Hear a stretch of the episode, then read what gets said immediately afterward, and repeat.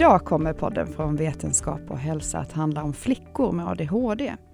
De är på många sätt bortglömda, trots att de faktiskt ofta lider mer av konsekvenserna av sin ADHD än vad pojkarna gör. Med mig i studion har jag Pia Tallberg, psykolog vid barn och ungdomspsykiatrin i Region Skåne och forskare i neuropsykologi vid Lunds universitet. Välkommen! Tack så mycket! Du har i din forskning undersökt hur barn med ADHD utvecklas över tid. Och du har också som psykolog mött många patienter med ADHD, både flickor och pojkar. Jag tänkte att vi skulle börja alldeles från början med vad är ADHD och vad står bokstäverna för? Eh, bokstäverna står för Attention Deficit Hyperactivity and Impulsivity Disorder. Mm. Eh, och eh, ADHD innebär att man har förhöjda värden av symptom när det gäller ouppmärksamhet, eh, hyperaktivitet och impulsivitet. Och de här eh, symptomen är ju ofta ganska generella. Vi kan alla känna igen oss i att vi ibland plågas av sådana symptom. Eh, men när man har ADHD då har man en väldigt hög grad av symptom under lång tid. Du följde 137 barn i din avhandling med ADHD-diagnos under tre års tid. Och vad var det som eh, inte utvecklade sig i takt med jämnåriga när det gällde kognition och inlärning och så? Man kan säga att de började ju för det första på olika nivåer, barn med ADHD och eh, kontrollgruppen. Så barn med ADHD hade större svårigheter från början. Och vad var det för svårigheter? Det är framförallt när det gäller arbetsminnet och processhastighet, men också att de låg lägre när det gäller verbal funktion. När det gäller icke-verbal problemlösningsförmåga så låg de lika som eh, typiskt utvecklade barn. Och när det gällde känslomässig utveckling eller mognad? Ja, alltså jag tittade på symptom där, på hur de mår psykiskt. Mm. Och då kunde jag se att de mådde ju sämre än eh, typiskt utvecklade barn. Men eh, man kan säga att framförallt så var det så att de här svårigheterna höll i sig och att man inte egentligen blev så mycket bättre. Och när det gäller språket så kunde man se att språket inte utvecklades i samma takt som förväntat. Du såg också att de här beteendeproblemen ofta uppmärksammades hos de här barnen men inte känslorna bakom problemen. Varför är det viktigt att uppmärksamma känslorna som leder till kanske utbrott och ilska, och ångest, depression? Precis, ja, men det är en väldigt bra fråga. För att det man ser och det som egentligen besvärar omgivningen, det är ju hur beteendet yttrar sig och om barnet stör andra. Eh, och inte till exempel sitter still eller blir arg men för barnets del så kan man plågas av en svag självkänsla, en känsla av att inte lyckas och eh, man kan vara orolig och man kan också känna sig nedstämd. Och eh, sådana känslor under lång tid kan ju leda till depressioner och eh, ångestproblematik till exempel. Det är ju också en risk eh, när man har ADHD att utveckla sådana diagnoser. Och eh, har man till exempel en depression och ADHD Dels debuterar depressionen tidigare, den är svårare och den är mer utdragen och svårare att bota. Det är ett enormt lidande för barn att ha väldigt många olika problem. Så därför är det ju viktigt att identifiera de här problemen hos barn. Mm. Så att mm. de inte har ett dolt lidande. Mm. Och flickor och pojkar har ju samma eh, grundläggande svårigheter om man har diagnosen ADHD. Men det tar sig olika uttryck. Kan du beskriva på gruppnivå då hur eh, flickor är annorlunda, upplevs annorlunda mm, jämfört med pojkar med ADHD? Mm, det är ju väldigt bra att man nu har börjat uppmärksamma flickor med ADHD mer och också eh, börjat fundera på hur man behöver forska vidare på den gruppen. Om man tittar generellt på flickor och pojkar med ADHD så är de ju mer lika än olika. Och det tycker jag är viktigt att tänka på. Det vill säga att man har större svårigheter med att koncentrera sig och att vara uppmärksam, men också med impulshämning och hyperaktivitet. Att man oftare har trotsigt sitt eh, beteende, att man oftare har en benägenhet att utveckla ångest och depression. Om du då jämför pojkar med, en pojke då med ADHD och en flicka med ADHD, då ser man vissa skillnader. Och det är dels att problematiken blir funktionsnedsättande vid en senare ålder hos flickorna. Alltså att man upptäcker eh, att eh, flickor har ADHD senare. Handlar det någonting om eh, hormoner? För ofta kan ju ADHD då bli värre när man närmar sig puberteten eller när man är i puberteten hos flickor, att symptomen blir tydligare då. Precis, och det har man ju sett i forskning, men det här behövs mycket mer forskning på. Och man ser ju att flickor får mycket större svårigheter att hantera sina symptom när man kommer i puberteten än vad man kunde innan. Men jag tänkte att jag skulle vilja backa lite här och mm. prata mm. om det som är funktionsnedsättning. För det här mm. med man har olika symptom av, eh, man kan säga att man har symptom av ADHD som påverkar vardagen. Men beroende på hur mycket de här symptomen påverkar vardagen avgör om man får en diagnos eller inte, det vill säga att man uppfyller kriterierna för en diagnos. Så man behöver alltså ha en funktionsnedsättning som påverkar vardagen betydande i två miljöer för att eh, kunna ha, för att man uppfyller kriterierna för en diagnos. I två miljöer, till exempel hemma och i skolan? Exakt, då. och det gör att flickorna då, har man sett, är mindre hyperaktiva och impulsiva än pojkar. Eller är min, min, eh, hyperaktiva, impulsiva på ett annat sätt. Och det här andra sättet, för jag menar, klichébilden av en kille med ADHD är ju någon som stör väldigt mycket i klassrummet och som rör på sig och som är högljudd och inte kan koncentrera sig. Men om man då har den här uppmärksamhetsstörningen som flicka, men man inte springer runt och stör, vad gör man istället då? Är det liksom att man fipplar med mobilen eller biter på naglar eller hur, hur får man ut den här hyperaktiviteten? Ja, men det stämmer. Man blir mer plockig eh, och kanske plockar i bänken och man kanske har någonting att pilla med, biter på naglarna. Man kanske går på toaletten ofta. Det tycker jag jag har hört många av barn som jag har träffat berätta att man går ut ofta och tar en paus när det är alldeles för jobbigt. Men man gör det på ett socialt accepterat sätt oftare. Och sen så när det gäller flickors ADHD yttrar den sig också väldigt mycket i att prata mer. Att prata? Ja, man, har svår, man pratar mer. Än, det är så ADHD, hyperaktiviteten, uttrycks. Mm. Ofta.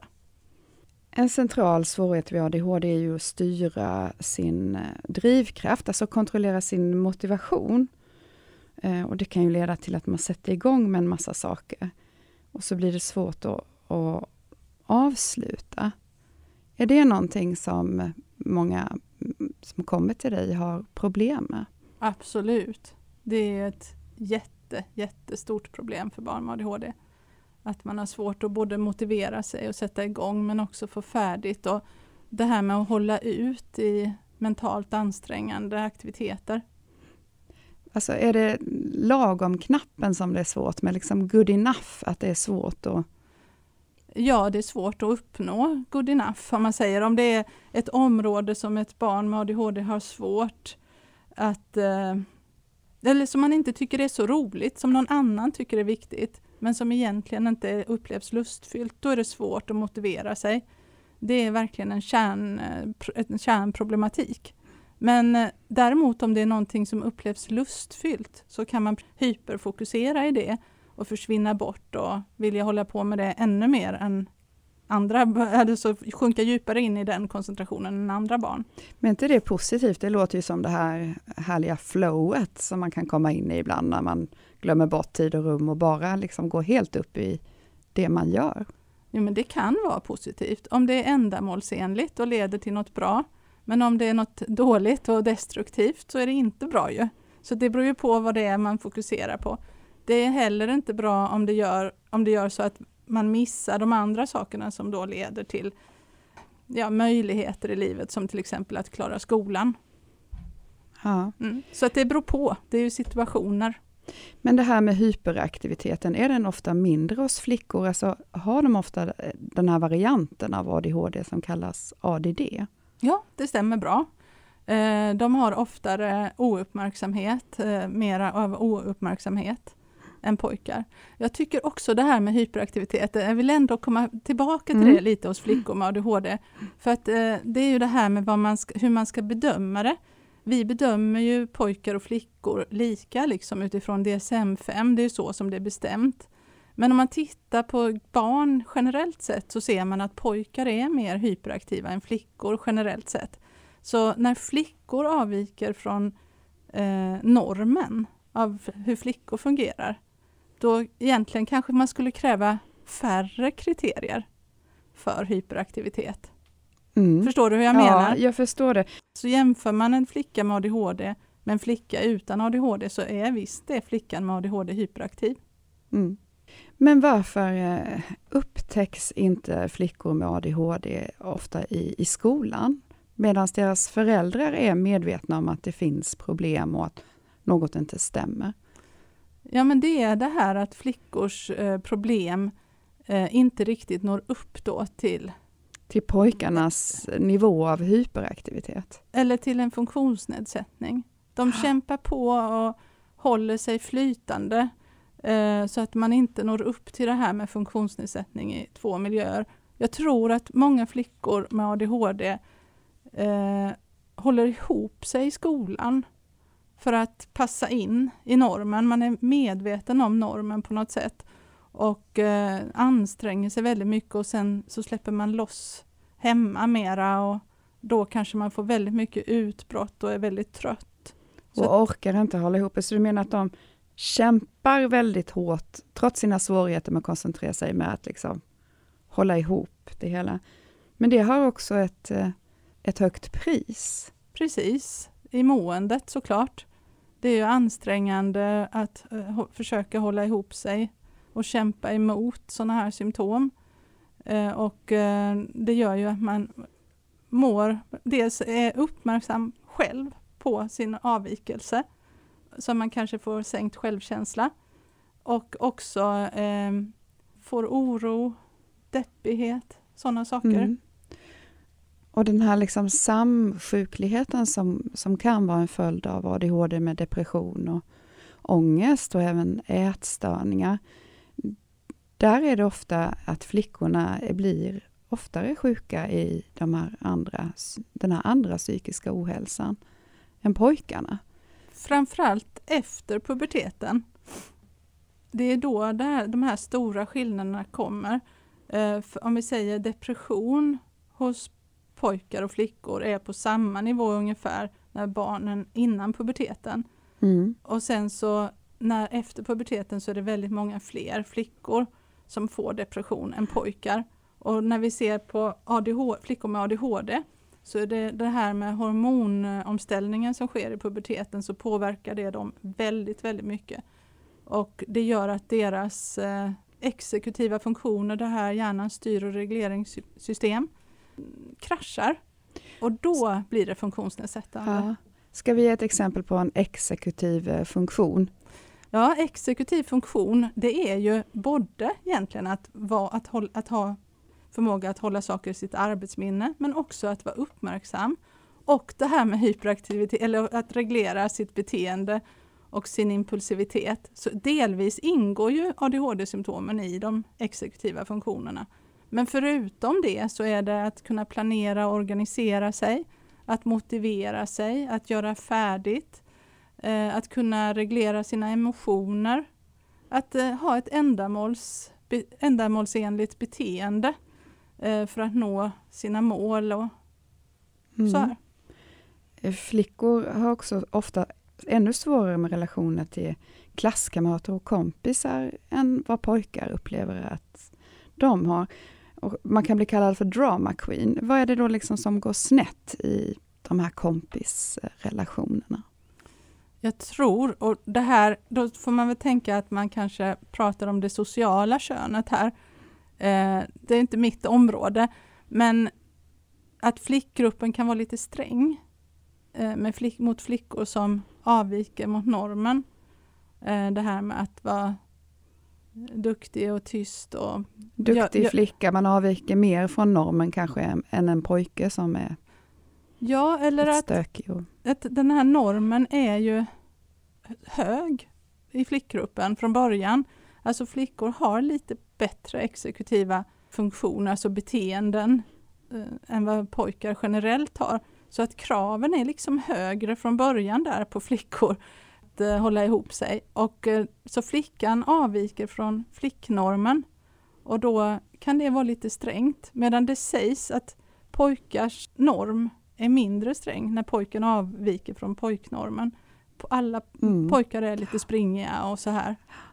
Så om man har en flicka med ADHD som ofta i, hamnar i konflikter och så, kan du liksom som psykolog, finns det någon strategi man kan lära ut för att ta sig ur de här konflikterna utan att, att eh, relationen kraschar? Mm. Alltså jag skulle säga att det gäller att välja sina kamrater också. Det mm. gäller ju att ha, försöka hitta kompisar som har ett öppet sinne och är accepterande.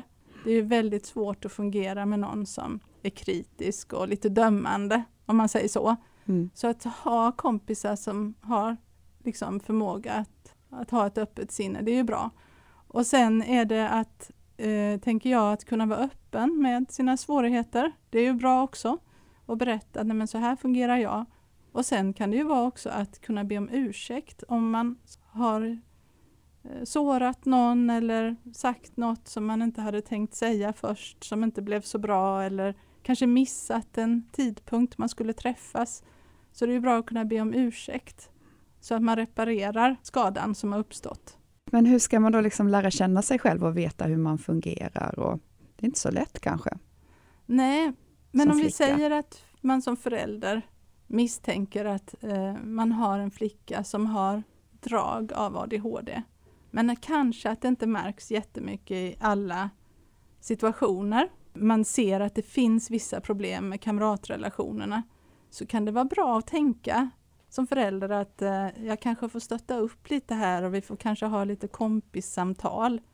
Det är lika viktigt att lärare på skolan är uppmärksamma på att även barn utan diagnos kan kämpa med de här problemen och så kunna stötta dem innan det blir stora problem. Mm. För det är ju det jag sa, det här med att det är normalfördelade symptom som vi alla kan känna igen oss i och som är vanligt att man har också subkliniskt. Alltså att det inte når upp till en klinisk diagnos. Mm. Jag kan eh, bara säga att det finns ju ett väldigt bra, eh, väldigt mycket fakta i något som heter vård och insatsprogrammet för ADHD som man finner på webben. Och det är Sveriges kommuner och landsting som har gett ut det. Och där finns det information till olika. Det finns information som är bra för skolan att veta, för föräldrar, för sjukvården. Alltså mm. så. Så man kan hitta information som passar inom olika områden och för olika personer hur man kan stötta barn med antingen full ADHD eller subklinisk ADHD. Mm. Så det är ett tips. Ja. Så det finns ju många insatser att göra med liksom den här, hur man lär känna sig själv och hur man beter sig och hur man kan hantera relationer och konflikter. Och just det här med att kunna få vara avvikande, även om det inte når upp till en diagnos, och kunna få känna att det är okej okay, att bli validerad, att man kämpar på, men ändå inte har gjort något som man ska behöva känna skam och skuld för, utan det är någonting man kan reparera och det tycker jag är viktigt. Nu har vi pratat om eh, olika insatser som man kan göra, men det finns ju också medicin. Vad gör, om man får medicin vid ADHD, vad hjälper den till med? Ja, men den hjälper till att förbättra förmågan att vara uppmärksam och att hejda impulser och reglera sitt både beteende och, skulle jag säga, sin ilska. Det här är ju en väldigt bra möjlighet till att börja jobba med beteendeinterventioner då när man får läkemedel. För läkemedlet ger en väldigt stark symptomreduktion inledningsvis som sedan planar ut. Så att det är när man börjar med läkemedlet då är det jätte, jättebra att träna strategier och träna i sig beteendemodifikation. Så det, det är styrkan med den här, det här läkemedlet. Jag tänkte också, ska vi säga något om ADHD. Eh, hur pass ärftligt är det, alltså genetiskt? Eh, det är ärftligt. Det är eh, svårt att förstå ärftligheten för att det, det finns ju dels riskgener men det finns också den vanligare typen av ärftlighet att det är vanliga gener som orsakar många olika slags svårigheter som har små avvikelser och som tillsammans med riskfaktorer kan ge ADHD. Så att det är liksom väldigt klurigt hur genetiken tillsammans med miljön orsakar ADHD. I din avhandling så skrev du att eh, stöttande vardagsfunktioner, tror jag, eller en stöttande miljö runt kunde underlätta, alltså i familjen. Mm. Vad är det för något som familjen då kan liksom stötta upp med? Nej, men det, är, det är ju att den här fyrkantigheten och rutinerna genomsyrar vardagen. Det ska att, vara fyrkantigt och rutiner? Ja, att eh, vardagen bygger på tydliga och väl inarbetade rutiner. Det är grunden. Sen lägger man på eh, visuell struktur eh, med tydliga scheman. Det kan, barnet kan behöva hjälp och lotsas igenom dagen med det här schemat och Eh, rutinerna med att förbereda lite. Att eh, nu snart så är det dags att äta mat. Jag påminner en stund innan, sådana saker. Eller nu när vi ska gå till affären, eh, kommer du ihåg vad, vad jag har bett dig om då? Ja men det kan ju vara då att jag har bett att du ska inte be om godis. Eller vad man nu har för överenskommelse. Så här, så man hjälper barnet igenom vardagen på det sättet genom att förbereda övergångarna. Och sen är det ju att vardagen också präglas av först sedan. Att man lär barnet att göra den plikt man ska göra först för att sedan kunna få göra det som är kul och belönande. Så att eh, vardagen struktureras utifrån först sedan. Eh, det är också viktigt att barnet får vara barn och uppleva eh, sina styrkor, att få vara liksom fullt ut validerad, accepterad med sina svårigheter. Det, det är ändå viktigt att inte bli jag är ADHD utan att vara en person som har svårigheter med de här symptomen vid ADHD. Ja, och som man också kan uppskatta många andra liksom, delar i personen. Det finns ju studier om, där man har frågat ungdomar hur de ser på sin ADHD-diagnos eh, och vad man har för erfarenheter. Och där så, skri så berättar ungdomarna att just det, att man vill inte att eh, liksom känna att man är sin diagnos, men också att det finns en risk att man känner sig stigmatiserad och lite underlägsen, att man har en funktionsnedsättning. Och man beskriver väldigt tydligt där att också kan känna en press på sig att eh, passa in i samhället och att passa in i skolan, fast man inte gör det riktigt. Och den pressen är jobbig att ha. Också en press att ta läkemedel, för man vet att då fungerar det bättre. Men en del unga kan känna att man kanske känner sig annorlunda eller man har biverkningar. Så att eh, det är viktigt liksom att barnet får vara barn men också att bli validerad i sina erfarenheter och upplevelser samtidigt. Det nog många föräldrar som kämpar och man kanske har ideliga konflikter hemma. Och för, för många med ADHD, de har ju svårt att automatisera de här vanliga sakerna som att kanske åka hem, äta mellanmål, eh, ge sig iväg på någon, aktiv, någon träning eller någon eh, aktivitet. Vad säger du liksom till eh, föräldrar som är slut och kanske känner att vi klarar inte det här vi, och vi är dåliga föräldrar? Ja, och det, det, så tror jag att en del kan känna sig. Men sanningen är ju den att det krävs liksom ett ex, det krävs mera av föräldrar eh, till barn med ADHD än andra. Och eh, därför så är det ju väldigt jobbigt för föräldrarna. Och många föräldrar som emellanåt känner sig nedstämda och eh, tappar sugen, precis som du säger. De får kämpa dubbelt. Ja, absolut. Mm. Och en del har då själv problem inom det här. Och då är det ju jätte, jättejobbigt. Och jag hoppas verkligen att föräldrar möter förståelse för det inom vård och skola. Att de kämpar väldigt mycket. Och kanske ett tips som förälder är ju grundkurs. Att inte ha för stora krav kanske. Att man får skala ner lite. Det finns också sådana föräldrautbildningar som kan vara bra för vem som helst, men som kanske är extra bra om man har ett barn med diagnos. Ja, det stämmer. Vi, det finns flera, vi jobbar ju med flera på BUP. Vi har någon föräldrautbildning som heter Skills för barn med ADHD. Vi har också en föräldra, ett föräldraprogram som heter COPE eh, där man arbetar med sitt, sina föräldrastrategier, inte riktat just mot ADHD utan kanske mer för barnets svårigheter att eh, hantera vardagen generellt sett. Men det funkar även vid ADHD. Och vi har också andra sådana program.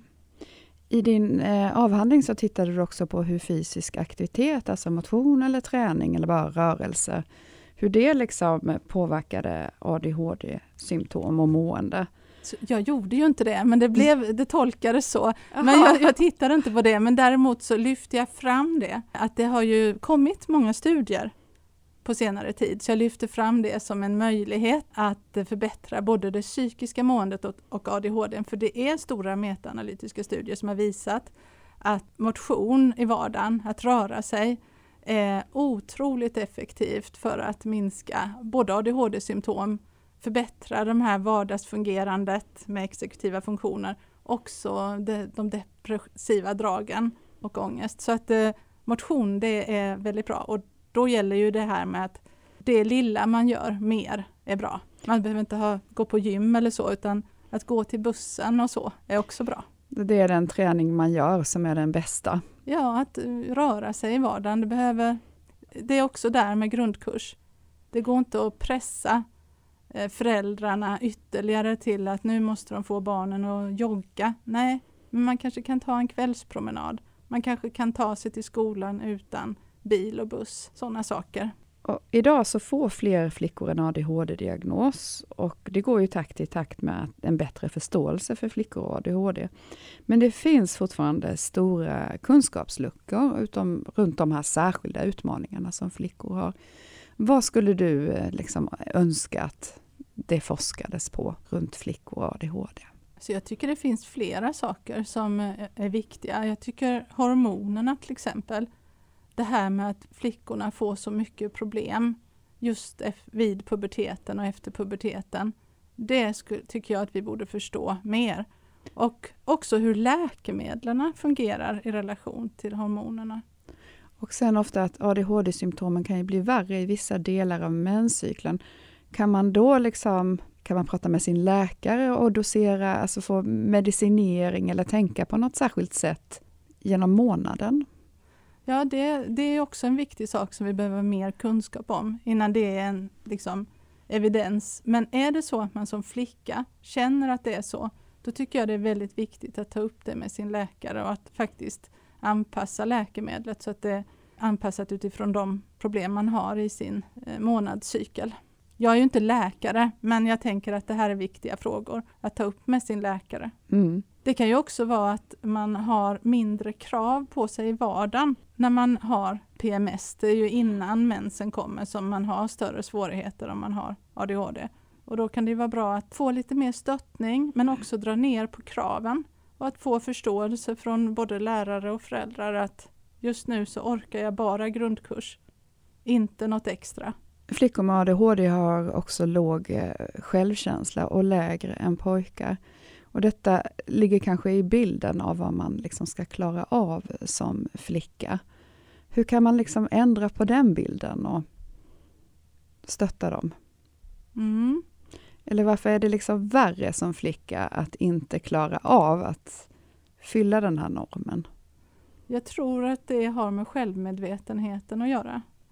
Och det tror jag att flickor med ADHD har en större medvetenhet om sitt eget fungerande än pojkar med ADHD. Sen måste jag säga att det finns också pojkar med ADD som mm. liknar den här gruppen mer och som också upptäckts senare. Så man kan, man, man kan säga... Man kan inte säga att nej, det är flickor det är just, och pojkar. Nej, och det är det. Jag vill, jag vill egentligen inte heller skilja för mycket för att pojkar har ju också jättemycket svårigheter men, eh, men just flickor, eh, just den här självmedvetenheten och, och, flickor generellt sett i tonåren har en stor portion självmedvetenhet. Och, och många flickor får dålig, dåligt självförtroende då, just under den tiden. Men för barn med ADHD som, och flickor med ADHD som känner att man inte lever upp till normen så är det ju mycket, mycket värre.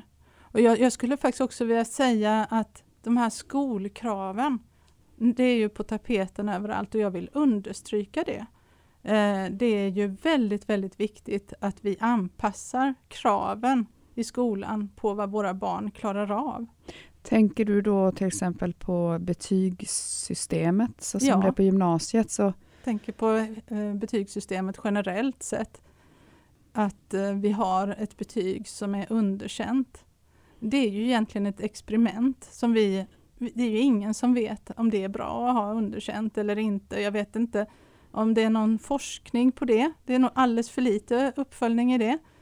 Hur påverkar betyget underkänt eh, barn generellt sett? Eh, kämpar man mer? Blir man duktigare?